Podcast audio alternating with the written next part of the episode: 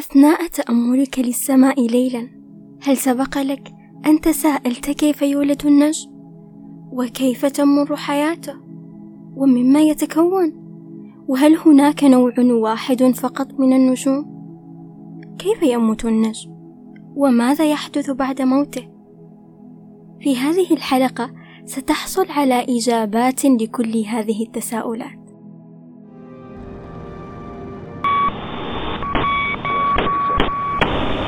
قبل اكتشاف العلم الحديث وماهية الأرض وكيف خلق الكون. لذا نحن مصنوعون من النجوم بكل ما تحمله الكلمة من معنى. ولأول مرة ناسا تطلق صاروخا من المريخ نحو الأرض.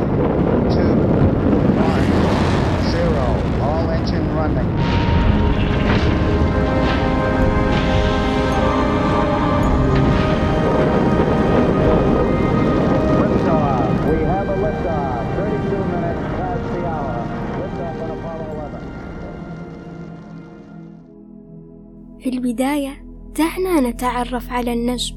ما هو النجم؟ نعم بالطبع هو النقطة اللامعة البعيدة التي تظهر في السماء ليلا ولكن بشكل أقرب وتفصيلي وعلمي أكثر النجم عبارة عن جسم سماوي ضخم ذاتي الإضاءة من الغاز. وأقرب مثال للنجوم النجم الأهم بالنسبة لسكان الأرض. نعم بالطبع شمسنا العزيزة الساطعة جدا ولكن من أين تستمد النجوم لمعانها وسطوعها؟ كيف يضيء النجم؟ في الحقيقة يضيء النجم بواسطة الإشعاع المستمد من مصادر الطاقة النووية المتولدة فيه متماسك بفعل الجاذبية حسنا ولكن مما يتكون النجم يتكون النجم من الهيدروجين والهيليوم. الغازين اللذين تنتج عنهما تفاعلات الاندماج النووي في نواة النجم والتي تعطي النجوم لمعانها وسطوعها المذهل. وسنتطرق معا في الدقائق القادمة لهذه التفاعلات بشكل مفصل أكثر. حسنا ركز معي الآن. من أين تأتي النجوم؟ أو كيف تولد؟ أي رحم يعطينا هذه الأجرام المذهلة؟ تبلغ دورة حياة النجم مليارات السنين وتبدأ الولادة داخل سحب غازية عملاقة تسمى الحاضنات قد تسأل نفسك الآن كيف؟ يبدأ الأمر باندفاع بعض أجزاء هذه السحابة بعد ذلك تتراكم على بعضها البعض وتتكاثر ثم تنهار على نفسها تحت تأثير جاذبيتها وتتخذ شكلا كرويا مع مرور الوقت وهو ما يعرف بالنجم. لنشرح الأمر بشكل أعمق قليلا يتكون الغاز في العادة من عنصري الهيدروجين والهيليوم وهما أخف العناصر.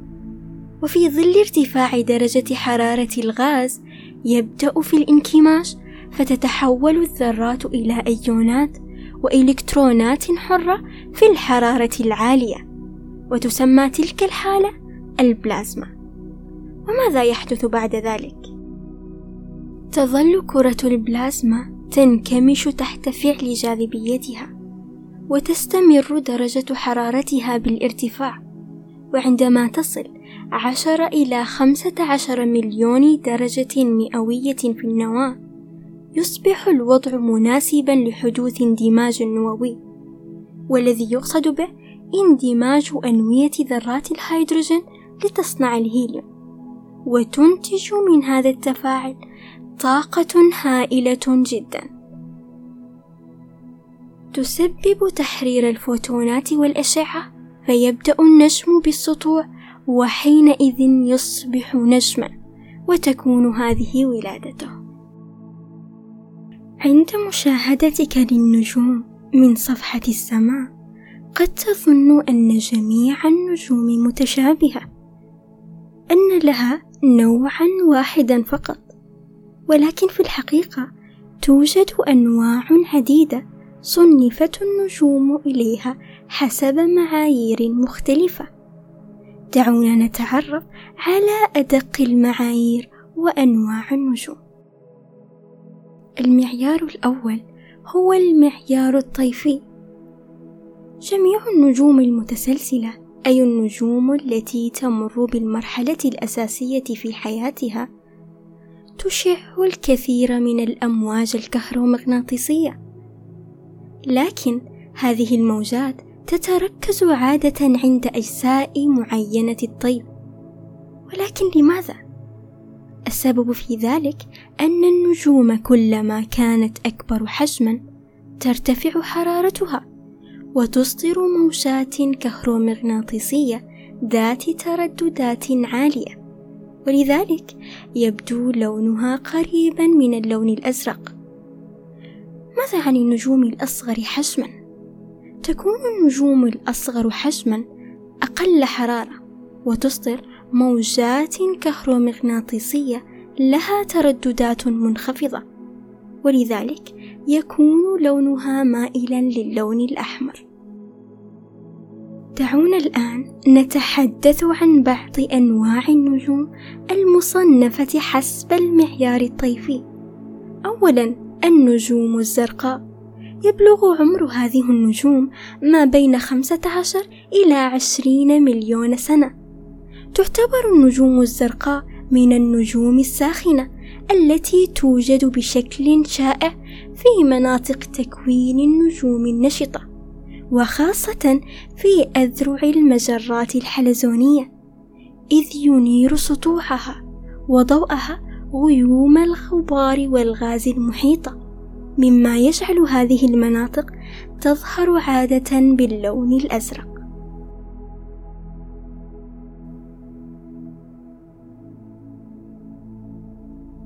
النوع الثاني هو الأقزام الصفراء التي تعيش عشرة مليارات سنة تقريبا. وغالبا ما يشار عن طريق الخطأ إلى هذه النجوم بالنجوم القزمة الصفراء. ولكن أليست فعلا صفراء؟ إن شمسنا مثال لنجمة من هذا النوع ولكنها في الحقيقة بيضاء طالما أن جميع الألوان التي تنبعث منها ممزوجة ببعضها البعض ويطلق عليها هذا المسمى لتمييزها عن بقية الأنواع في النسق الأساسي للنجوم وخصوصا العمالقة الصفراء النوع الثالث هو الأقزام البرتقالية ويقدر عمرها النموذجي من خمسة عشر إلى خمس وأربعين مليار سنة وتعد النجوم القزمية البرتقالية نجوما ذات أهمية خاصة في مجال البحث عن حياة خارج كوكب الأرض ولكن ما علاقتها؟ لماذا؟ لأنها تبعث كميات أقل من الأشعة فوق البنفسجية التي تؤذي أو تدمر الحمض النووي كما أنها تبقى مستقرة على النسق الأساسي لمدة تصل إلى خمسة وأربعين مليار عام مقارنة بالشمس التي تبقى حوالي عشر مليار عام فقط هل تعي حجم الفرق؟ فرق كبير بالفعل. لدينا أيضا النجوم العمالقة الزرقاء وتبلغ من العمر من عشرة إلى مئة مليون سنة وهي نوع من النجوم تتميز بكتلتها الكبيرة حيث تصل كتلة النجم منها من عشرين إلى مئة كتلة شمسية. تخيل! وتبلغ درجة حرارة سطحها خمسة وثلاثين ألف درجة مئوية أو أكثر. يعني إذا كنا سنقارنها بالشمس فدرجة حرارة سطح الشمس تبلغ خمس آلاف وثمانمائة درجة فقط. تخيل الفرق الهائل. لذلك فهي أيضا شديدة اللمعان والسطوع. آخر نوع سنتطرق إليه من هذا المعيار هو العمالقة الحمراء والتي يتراوح عمرها النموذجي ما بين صفر فاصلة واحد إلى اثنان مليار سنة. تعتبر النجوم العملاقة الحمراء أصغر حجما وأقل عمقا بالمقارنة مع النجوم العملاقة الحمراء الفائقة. إذ تزن عادة ما بين صفر فاصلة ثلاثة إلى ثمانية أضعاف كتلة الشمس وفي هذه النجوم تكون النجوم العملاقة الحمراء الفائقة الفرعية هي الأكثر شيوعًا، وما يزال الهيدروجين فيها يندمج ويتحول إلى الهيليوم، ولكن في طبقة حول قلب الهيليوم الخامل. دعونا ننطلق الآن لنتعرف على معيار آخر، معيار التطور النجمي. تمر النجوم أثناء مراحل تطورها من الولادة وحتى الموت بأطوار عديدة ولكل نجم دورة حياة مختلفة تعود إلى حجمه وكتلته وسنتطرق الآن لأهم هذه الأنواع أولا النجوم العملاقة ما هي النجوم العملاقة؟ هي نجوم كبيرة الحجم ولمعانها شديد جدا وتخيل أن كتلتها أكبر من كتلة الشمس ببضع عشرات المرات ثانيا القزم البني هل تعلم أن هذا النوع من النجوم يطلق عليه النجوم الفاشلة؟ ولكن لماذا؟ ركز هنا. القزم البني عبارة عن نجوم كتلتها أقل بكثير من أن تولد الحرارة الكافية في باطنها لتنطلق عملية الاندماج النووي. لذلك تسمى نجوما فاشلة. ولذا فهي تبقى كرات غازية باردة شبيهة بالكواكب. ثالث نوع هو النجوم المتسلسلة. لنتعرف معا عليها. تعتبر هذه النجوم من النجوم العادية الشبيهة بالشمس ومنها القزم الأحمر. قد تتساءل الآن ما هو القزم الأحمر يا ترى؟ هو نجم متسلسل لكن كتلته صغيرة جدا. ولذا يتميز بأن له لونا أحمرا قويا ناتجا عن ضعف التفاعلات النووية في داخله وتكون هذه النجوم أصغر بكثير من الشمس وأقل حرارة لكنها تظل موجودة لفترات طويلة جدا لماذا؟ لأنها تستهلك وقودها الهيدروجيني ببطء شديد. وإليك معلومة مهمة. تعتبر الأقزام الحمراء أكثر النجوم عددا في الكون. النوع الرابع هو العملاق الأحمر. الكثير من العمالقة صحيح؟ تتسم هذه النجوم بأنها في مراحلها الأخيرة. حيث انتهى الوقود الهيدروجيني في باطنها إذا ماذا تفعل النجوم في هذه الحالة؟ تبدأ النجوم في هذه الحالة بدمج عنصر الهيليوم الموجود في طبقاتها الخارجية مما يجعلها تنتفخ بسرعة شديدة بحيث تجعل حجم النجم يتضاعف مرات كثيرة لدينا قزم آخر هنا ولكن هذه المرة قزم أبيض ما هي الأقزام البيضاء؟ هي نجوم محتضرة تمر بالمراحل الأخيرة من حياتها وتطلق هذه التسمية على النجوم المتوسطة الحجم التي مرت بمرحلة العملاق الأحمر أتذكرون؟ تحدثنا عنه مسبقا. وتتسم هذه النجوم بأنها تبرد لتصبح قزما أسود ولا تحدث أي تفاعلات في داخلها لكنها تبقى ساخنة. ما السبب برأيكم؟ نعم فعلا بسبب الحرارة المحتبسة في مراحلها السابقة. أحد الأنواع التي سنتطرق إليها اليوم هي المستعر الأعظم الذي يسمى أيضا سوبر نوفا وهي طريقة تنتهي بها حياة النجوم ولكن كيف؟ ماذا يحدث فيها تماما؟ هي عبارة عن انفجار عنيف جدا يحرر كميات هائلة من الطاقة وتتناثر بفعله جزيئات النجم في مختلف أنحاء الكون. وقد تتحول البقايا التي يتركها هذا الانفجار إلى أجرام سماوية غريبة.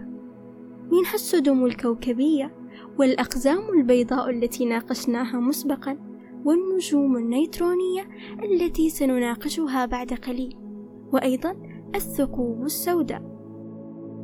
آخر نوع سنتطرق إليه اليوم هو النجوم النيترونية ما هي؟ هي مثلما ذكرنا مسبقا من بقايا المستعرات العظمى وتتميز هذه النجوم بكثافتها الهائلة وتحركها بسرعة كبيرة جدا أثناء دورانها حول نفسها سرعة كبيرة جدا كيف؟ لدرجة أنها تستطيع إكمال عشرات الدورات حول محورها في الثانية تخيل وتكون كتلة النجم النيتروني حوالي ضعفي كتلة الشمس وعادة ما تتألف كتلتها بالكامل من النيترونات هل يموت النجم؟ كيف يموت؟ وماذا يحدث بعد موته؟ وصلنا إلى نهاية حياة النجم. وككل الكائنات الحية النجوم ليست أبدية. فكما ولدت ومهما طال عمرها لمليارات السنين ستموت يوما ما. التفاعلات النووية التي تحدث داخل النجم هي ما تجعله متوهجا ينبض بالحياة. والهيدروجين هو وقود هذه التفاعلات ووقود النجم واحتراقه يحمي النجم من الانهيار تحت تأثير الجاذبية. ولكن هل سينتهي هذا الهيدروجين يوما؟ نعم بالطبع هذا الهيدروجين لا يدوم إلى الأبد ونفاده ينذر بوصول النجم إلى نهاية حياته واستعداده لمواجهة مصيره. ستتوقف هنا قليلا. وربما يراودك سؤال. هل كل النجوم تلقى نفس المصير؟ في الحقيقة يختلف مصير النجم عند موته بحسب كتلته. ولكن كيف؟ ركز هنا. النجوم ذات الكتلة الصغيرة ستتحول إلى ما يسمى بالقزم الأبيض وهو مثل ما ذكرنا مسبقا نجم صغير جدا يشبه الكواكب بحجمه ونوره ضئيل وكثافته عالية تصل إلى مليون مرة قدر كثافة الشمس هل يمكنك التخيل؟ حسنا ماذا عن النجوم ذات الكتلة الأكبر؟ النجوم ذات الكتلة الأكبر ستنفجر أولا انفجارا عظيما يدعى السوبر نوفا كما ذكرنا قبل قليل. وبعد الانفجار يعتمد مصير النجم المحتضر على كتلته الأصلية أيضا. ركز جيدا هنا لتفهم. فإذا كان متوسط الكتلة فسيتحول إلى ما يسمى بالنجم النيوتروني الذي تحدثنا عنه سابقا وهو أصغر أنواع النجوم المعروفة وأكثرها كثافة. أما إذا كانت كتلة النجم كبيرة جدا عندها سيشكل النجم المحتضر ثقبا أسودا وهو منطقة تتميز بجاذبيتها الخيالية تبتلع كل ما يحيط بها من مواد ومن عظمة جاذبية الثقب الأسود حتى الضوء لا يستطيع الهروب منها. شيء مدهش. كما يقوم بتشويه نسيج الزمكان الذي أشارت إليه النظرية النسبية لألبرت أينشتاين بسبب جاذبيته الكبيرة. نصل معكم إلى ختام رحلتنا اليوم. تذكروا أنه كلما نظرتم إلى السماء ليلا لبعض الوقت فأنتم تسافرون عبر الزمن لملايين السنين. لترون نجوما وتشهدون ميلادها ووفاتها في آن واحد حتى أن منها من يكون قد مات لكن نوره لا يزال في السماء. يصل إليك ويضيء قلبك لأن النجم يموت والضوء يبقى.